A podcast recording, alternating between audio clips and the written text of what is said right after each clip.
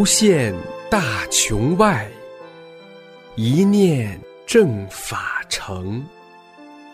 师尊慈悲愿，万物沐春风。请听明慧专题《一师恩》。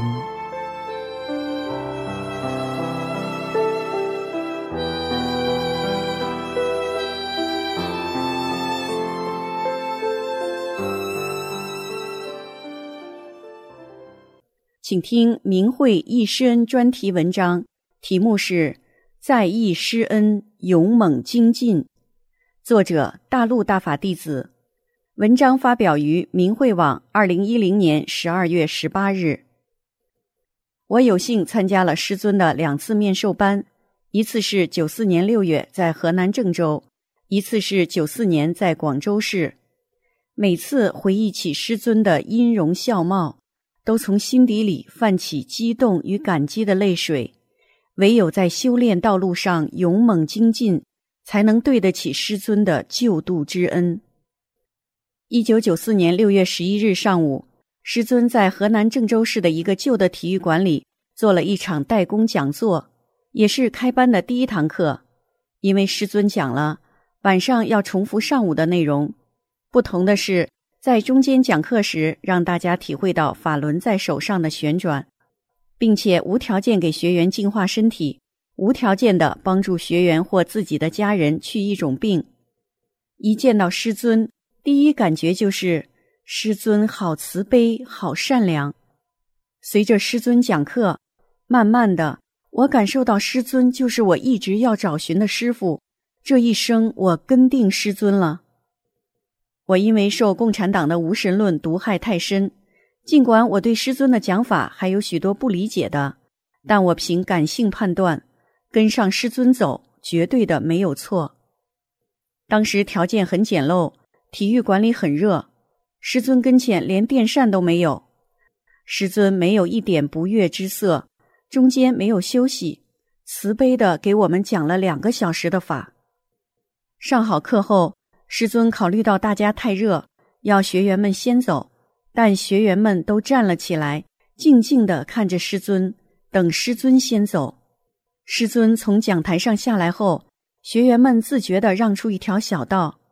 师尊从我身边走过时，我感到自己有一种前所未有的踏实感。师尊没有立刻从正门出去，而是上到正门二楼的台阶上，静静的看着大家。满足学员们想见师尊的愿望。师尊走出体育馆后，学员们也是很理性的对待师尊，没有一拥而上围住师尊，只是静静的站在人行道上，目送师尊坐上出租车离开。通过以后反复学法，我悟到，在我们一踏进学习班时，师尊已经把我们当弟子带了。师尊心里时时处处想的是弟子们。也处处满足弟子们的愿望，唯独没有自己。这是我现在能悟到的。师尊的所作所为中，一定还有更深的含义，我还没有悟到。九四年十二月底，我赶上了师尊在广州市的国内最后一次面授班，因为是开班的当天到，已经没有票了。晚上上课前，没有票的学员都排好队，站在广场上等候安排。听说是师尊让没有票的学员排队进去听课，但广州市气功协会以利益为重，不同意。师尊在讲课前来到正门口看望学员，我们非常激动，但仍然是秩序井然的排着队，没有一丝的冲动。后来没有票的都集中到隔壁大厅里看实况转播。一个星期天的下午，师尊考虑到大家吃住花费挺大。牺牲了自己的休息，利用星期天的上下午连上三节课，上午一节课，下午两节课。就在这两节课的中间休息时，师尊来看我们了，当时都非常的意外。谁喊了一声“师傅来了”，大家忽的都站了起来，围在师尊身边，静静的看着师尊。只有一个年轻的男学员问了师尊几个问题。师尊离开后，气功协会的一个工作人员又折回来解释了几句，其实就是不用解释，学员们心里都有数。虽然理解的有限，最起码的表面的还是明白。一是师尊没让大家进到厂里听课，表达歉意；二是满足大家亲见师尊面的愿望。但是随着学法的深入，体会到还有更深的含义。现在再回忆亲见师尊的场景，体会真的不同。面对中共邪党九九年七二零以来铺天盖地对师尊与大法的谣言与诽谤，亲见师尊面的弟子们就能明显的对比出是非来。师尊的一言一行就是最明显的对比，处处想的是大家，为大家着想，没有一丝自己的苦乐。票价是五十元。以后凭学生证听课时二十五元，转法轮书籍也是经过师尊与出版单位反复压价定的最低价。这还是我个人所了解到的。我听一个朋友讲，他到陕西的西安市听其他气功师的讲座，一堂课票价三百元，也没学啥，只看到满地打滚。现在社会出了名的，一本书就卖到最低五十元。却没有一个人认为这是在敛财，谁正谁邪不是一目了然吗？在九九年以前的正常修炼时期，每遇到过不去的关或有想不开的事时，一看到师尊的照片或想起师尊的音容笑貌，就泪流满面。有了这么好的师尊，还有什么想不开的？虽然走得磕磕绊绊。但亲见师尊的经历鼓励着我。九九年七二零时，电视上满是铺天盖地的造谣与污蔑，我没有动摇，我相信师尊是最正的，大法是最正的，是千载难逢的正法。我在帕心下走过弯路，但师尊没有放弃我这不争气的弟子，在同修的帮助下。我从被绑架过的阴影中走过来，融入了做好三件事救众生的洪流中来。走过弯路后再忆师尊，那种感受刻骨铭心，太对不起师尊的慈悲苦度。师尊把我从地狱中捞出来洗净，又为我在宇宙中准备了作为正法时期大法弟子所应有的永远的荣耀。我却不能完全按照师尊的要求，不打折扣的做好三件事。什么时候想起来都非常惭愧。写出此文，想以此来鼓励自己，在这救度众生的最后时刻，能更加勇猛精进，做好三件事，救度更多的众生，圆满随师还。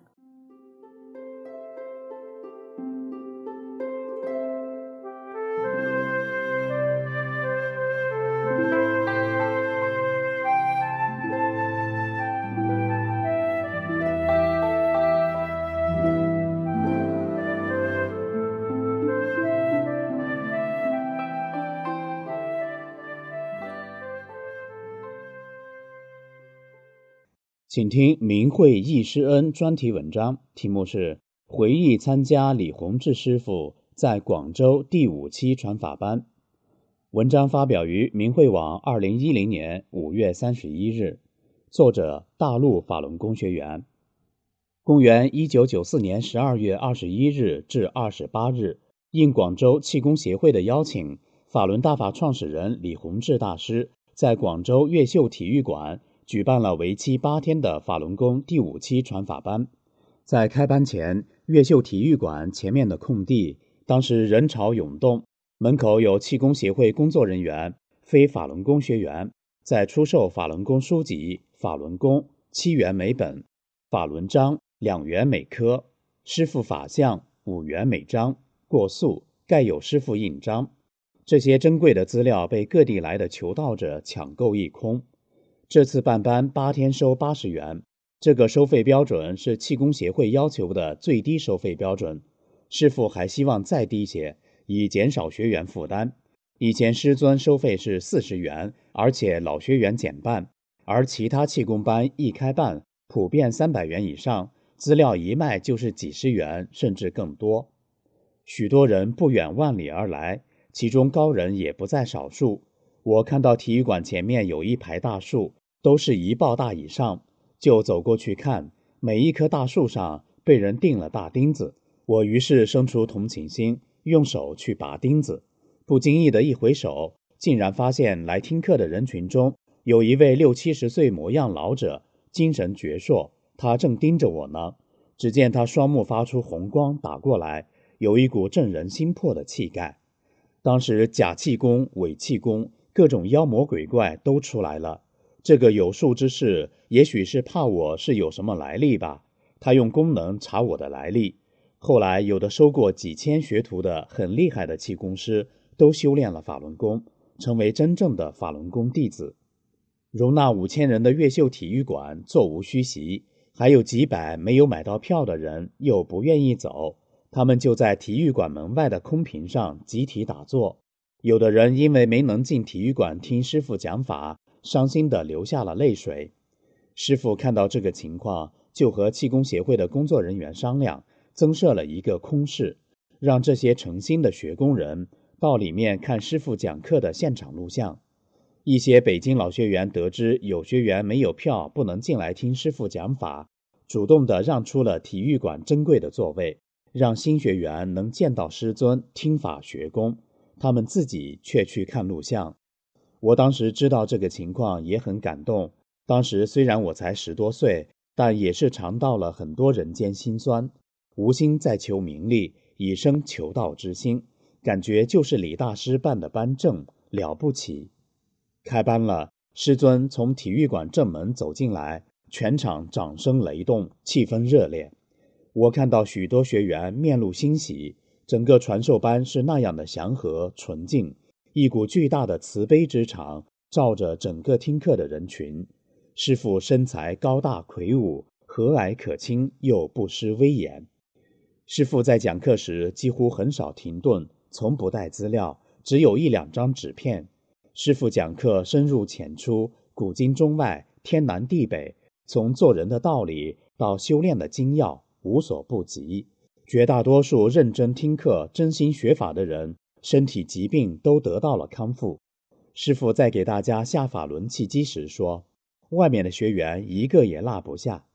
有的天目开了的学员，看见师傅是一尊大佛的形象，坐在莲花台上。”有的学员看到师尊的光环印到了墙上，有的学员看到法轮旋转，有的学员看到师傅是个身体瘦长、有高高发髻的道的形象，而且有学员看到讲法场的上空有无数的佛道神跪着听李老师讲法，还有修道的人也赶来听李老师讲道。师傅一再强调，这里是修炼，不治病。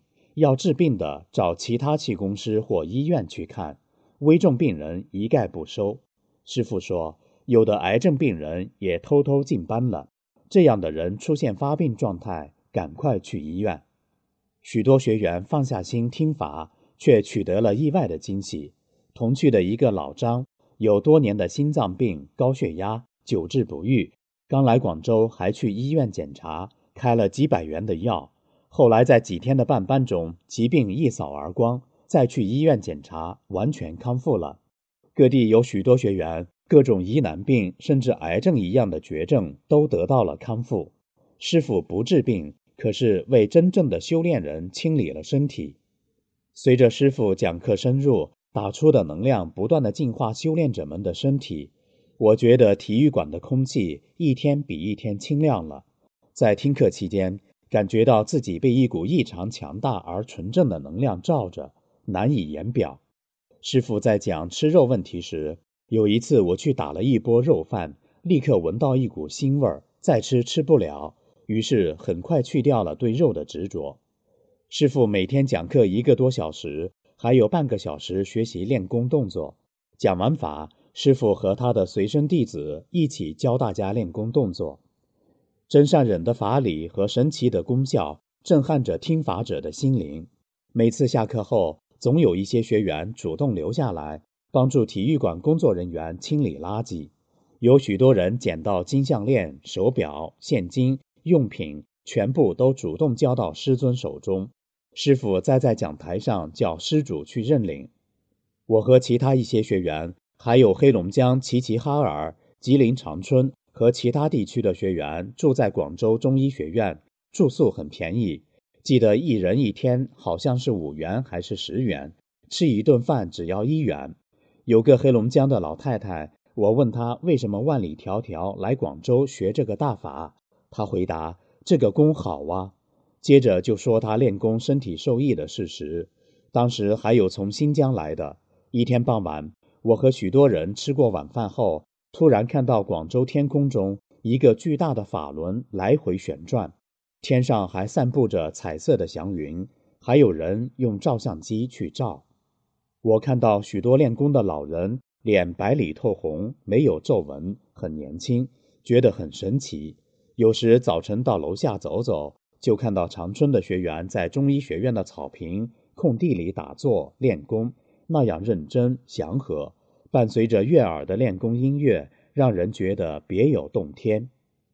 有的外地学员因为经济紧张，吃着方便面，啃着饼干，不远数千里来广州学这个万古不遇的宇宙大法——法轮大法。后来在广州，有的学员钱用光了，其他地区的学员知道后，就把自己的钱送给没钱的学员，让他们能安心学功、住宿、回家。师傅知道这个情况后，叮嘱工作人员给困难的学员提供帮助。师傅虽然声誉波四海，弟子亿万，但却没有一点架子。传法结束时，师傅对我们说：“将来有一天你忍不住了，你就想起我给你说过的话：难忍能忍，难行能行。”许多学员强烈恳求师尊打一套大手印，师傅笑了笑说：“打就打吧。”于是脱下那件普通的西服，坐到课桌上打了一套大手印。当年有大量的听过法的练功人，经过十多年锤炼，成为坚定的大法徒，做着师傅教诲的三件事：救度众生、兑现誓约。也有一些人在名利情欲的诱惑下，在中共邪党腥风血雨的打压中，却不知珍惜这比生命还珍贵的万古机缘，可悲呀！我也几经生死考验，靠着师尊的慈悲保护，才走到了今天。有缘的人呐，请切莫错过这亿万年不曾有过的佛法机缘啊！万古机缘，这机会永远不会有第二次，万分值得珍惜。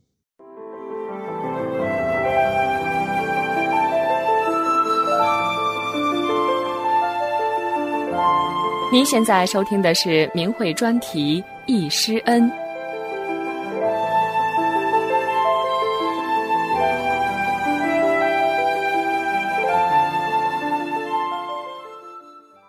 请听明慧易师恩专题文章，题目是《沐浴法光》，即李洪志师傅武汉传法，作者大陆大法弟子。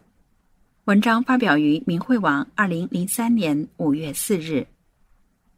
原来我和老伴儿都爱好气功，特别是老伴儿，光太极拳就打了三十多年。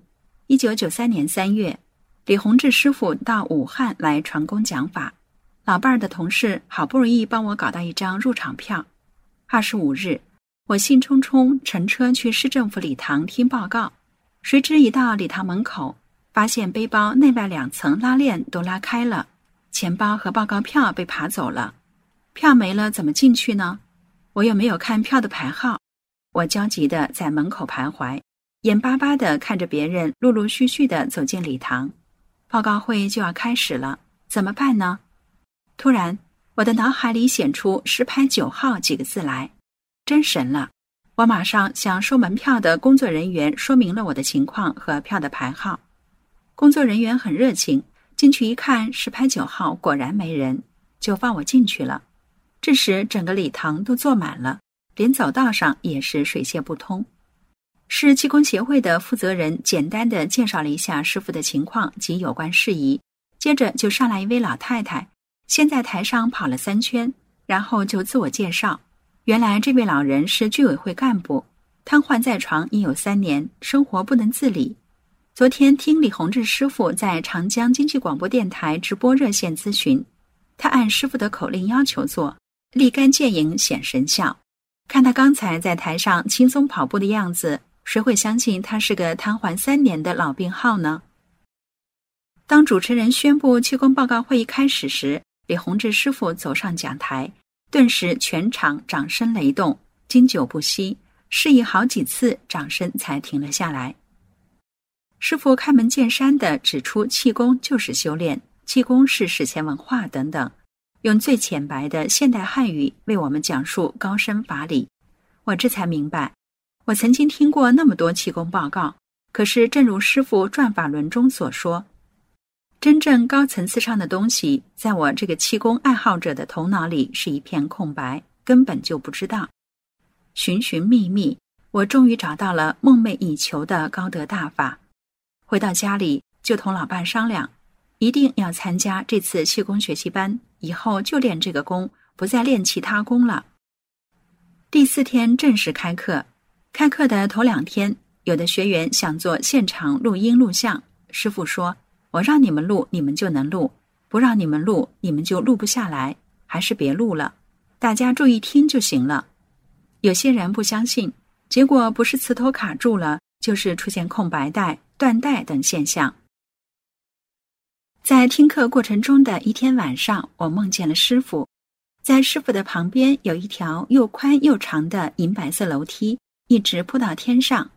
后来我才悟到，师傅传功讲法。就是为我们铺好上天的天梯啊！有一天中午休息，师傅从讲台上下来，走到学员中间，就在我的座位旁边坐下来，给大家签名留念。我目不转睛的看着师傅不停的给学员签名，我却没有带笔记本，没签成，好遗憾呐！在办班结束的那天晚上，很多学员都站在礼堂外面等候师傅。都想再见师傅一面，我忍不住喊出声来：“李老师，再见！”师傅猛然抬头朝我看了一眼，说：“你好好练功。”顿时一股热流通透全身，我激动的一句话都说不出来。我目送着师傅，直到师傅离开了，我仍然站在那里，听凭泪水一个劲儿的流。最后我是怎么回家的也不知道了。我同时也悟到。丢票是在考验我对法轮功是否坚定。还没见面，师傅就已经管着我呢。丢的钱包里有两百元钱，我悟到那也不是无缘无故丢的呀。我平时利用工作之便，为我读大学的儿子办了内部职工工作证，可免费乘公共汽车。丢的钱差不多正好付清学生月票钱，不舍不得啊。得法后一个月，我就开始宵夜。针对着十几年都没有治好的结肠炎，开始大量便血，每次都有几百毫升，一连拉了半个多月。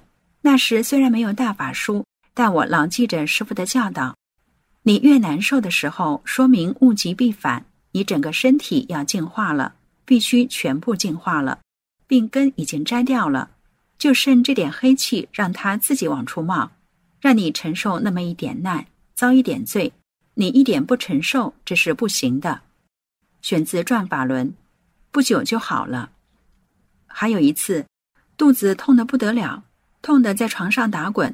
我记着师傅的话：就这样的身体，一下子给你净化出来，一点反应没有也不行。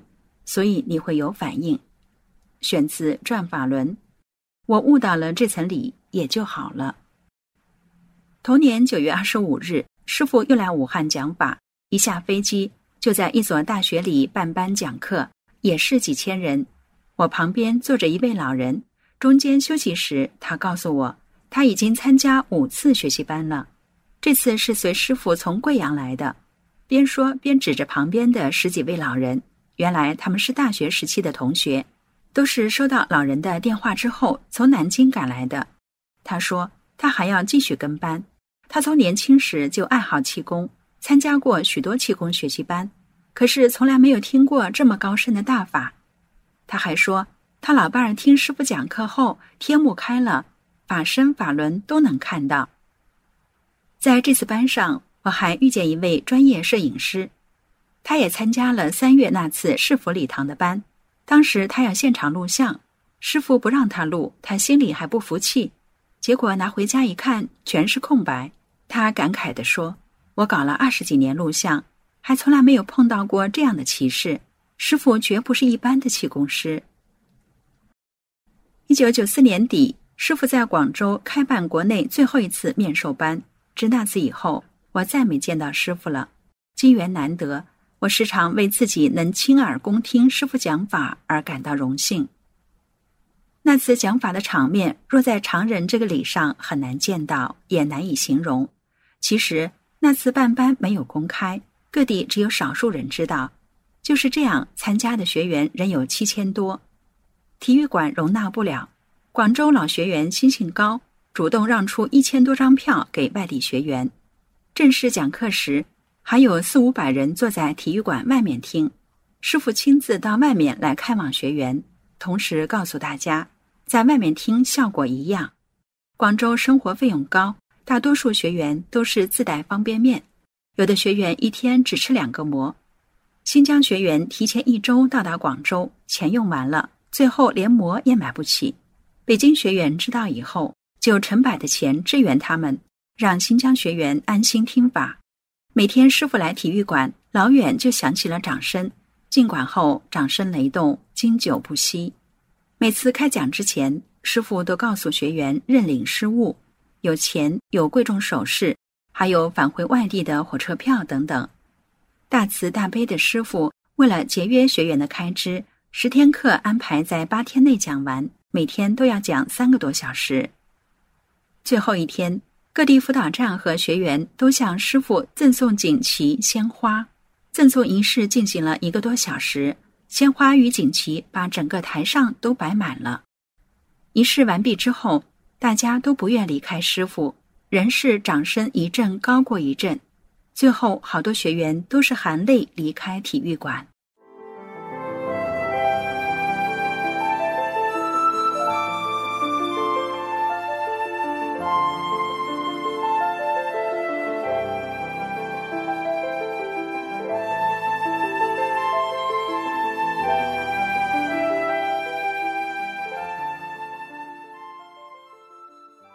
请听明慧忆师恩专题文章，题目是《回忆师尊在广州传法的片段》。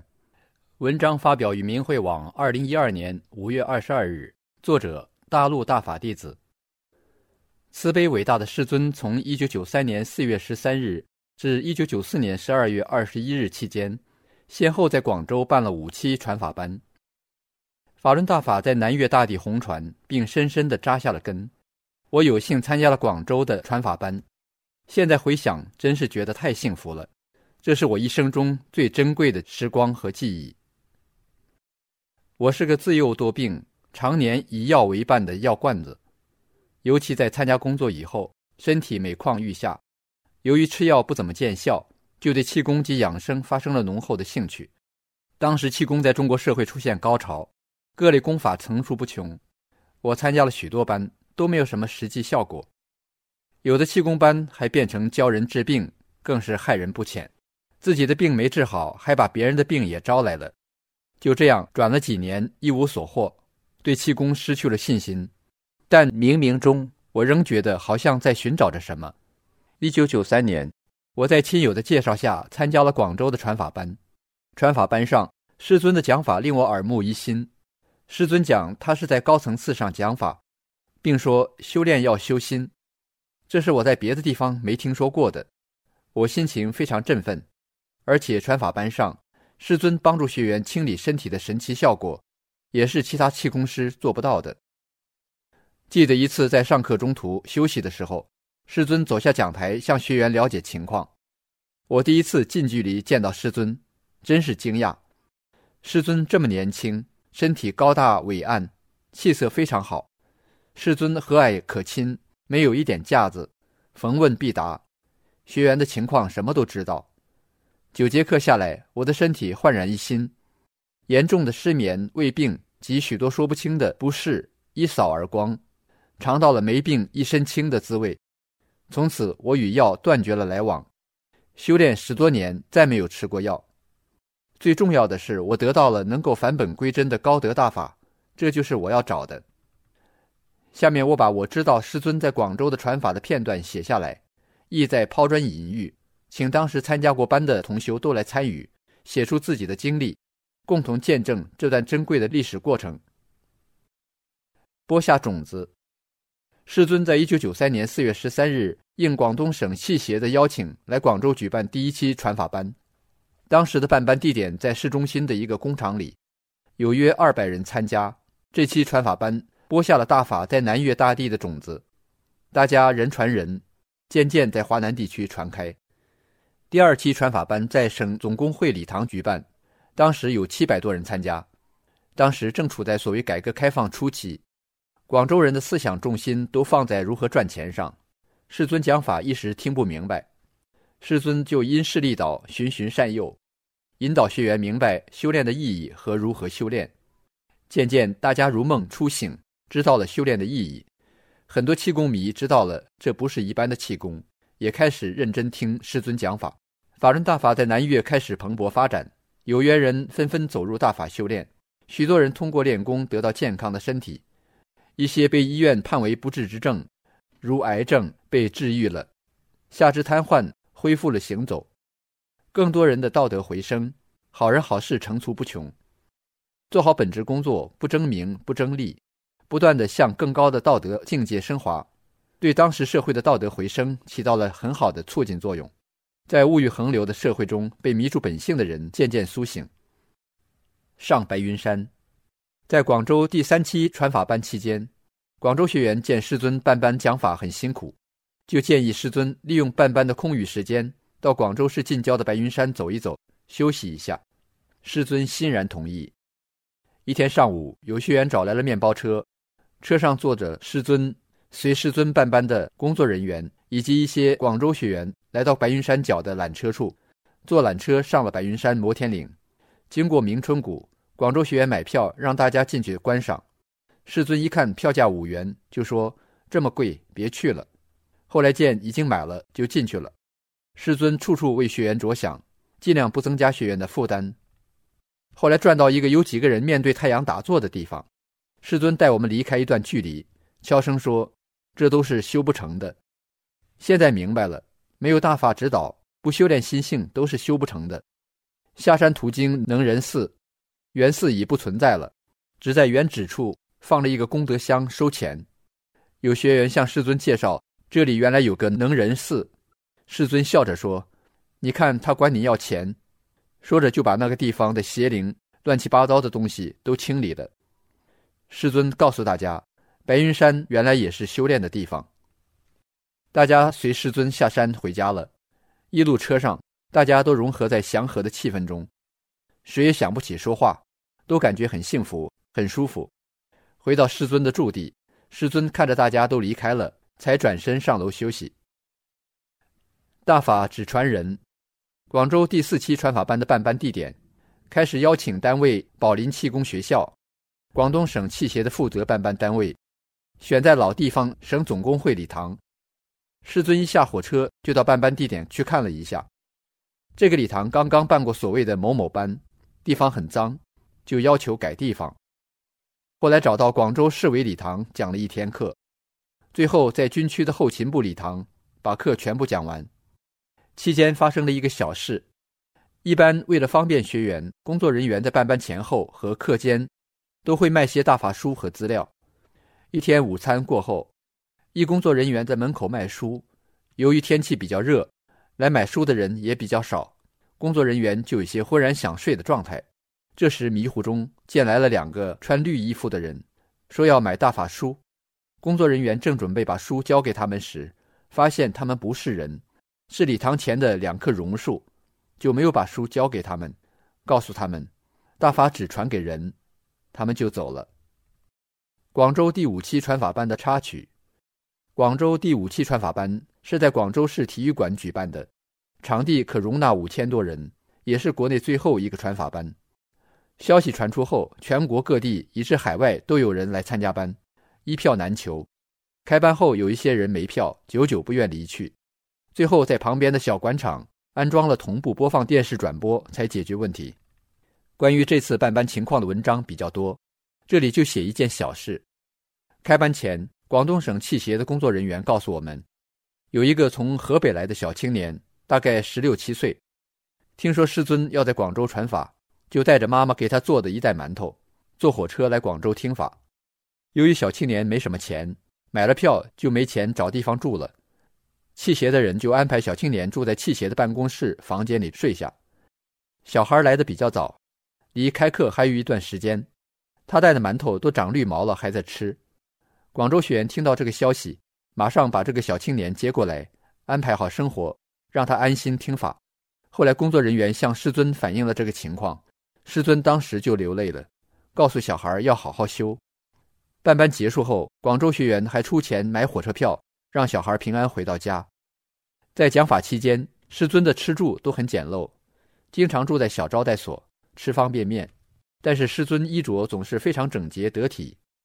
记得一次未见师尊，我穿的比较庄重，师尊表扬我穿的比较合适，告诉大家要注意形象。今年是慈悲伟大的师尊弘传大法二十周年，师尊心系宇宙，苦心救度众生，为众生承受无以言表的巨难。我作为一个受益者，一个大法弟子，每每想起师尊为众生、为我们承受的巨难，都会泪流满面，也为自己做的不好、不够精进。走过弯路而愧疚，时值师尊弘传大法二十周年，写下此文，为见证这段历史，鼓励自己要精进实修，跟上正法进程，不辜负师尊的苦心救度，圆满随师还。注：文中师尊的话只是大概意思，不是原话。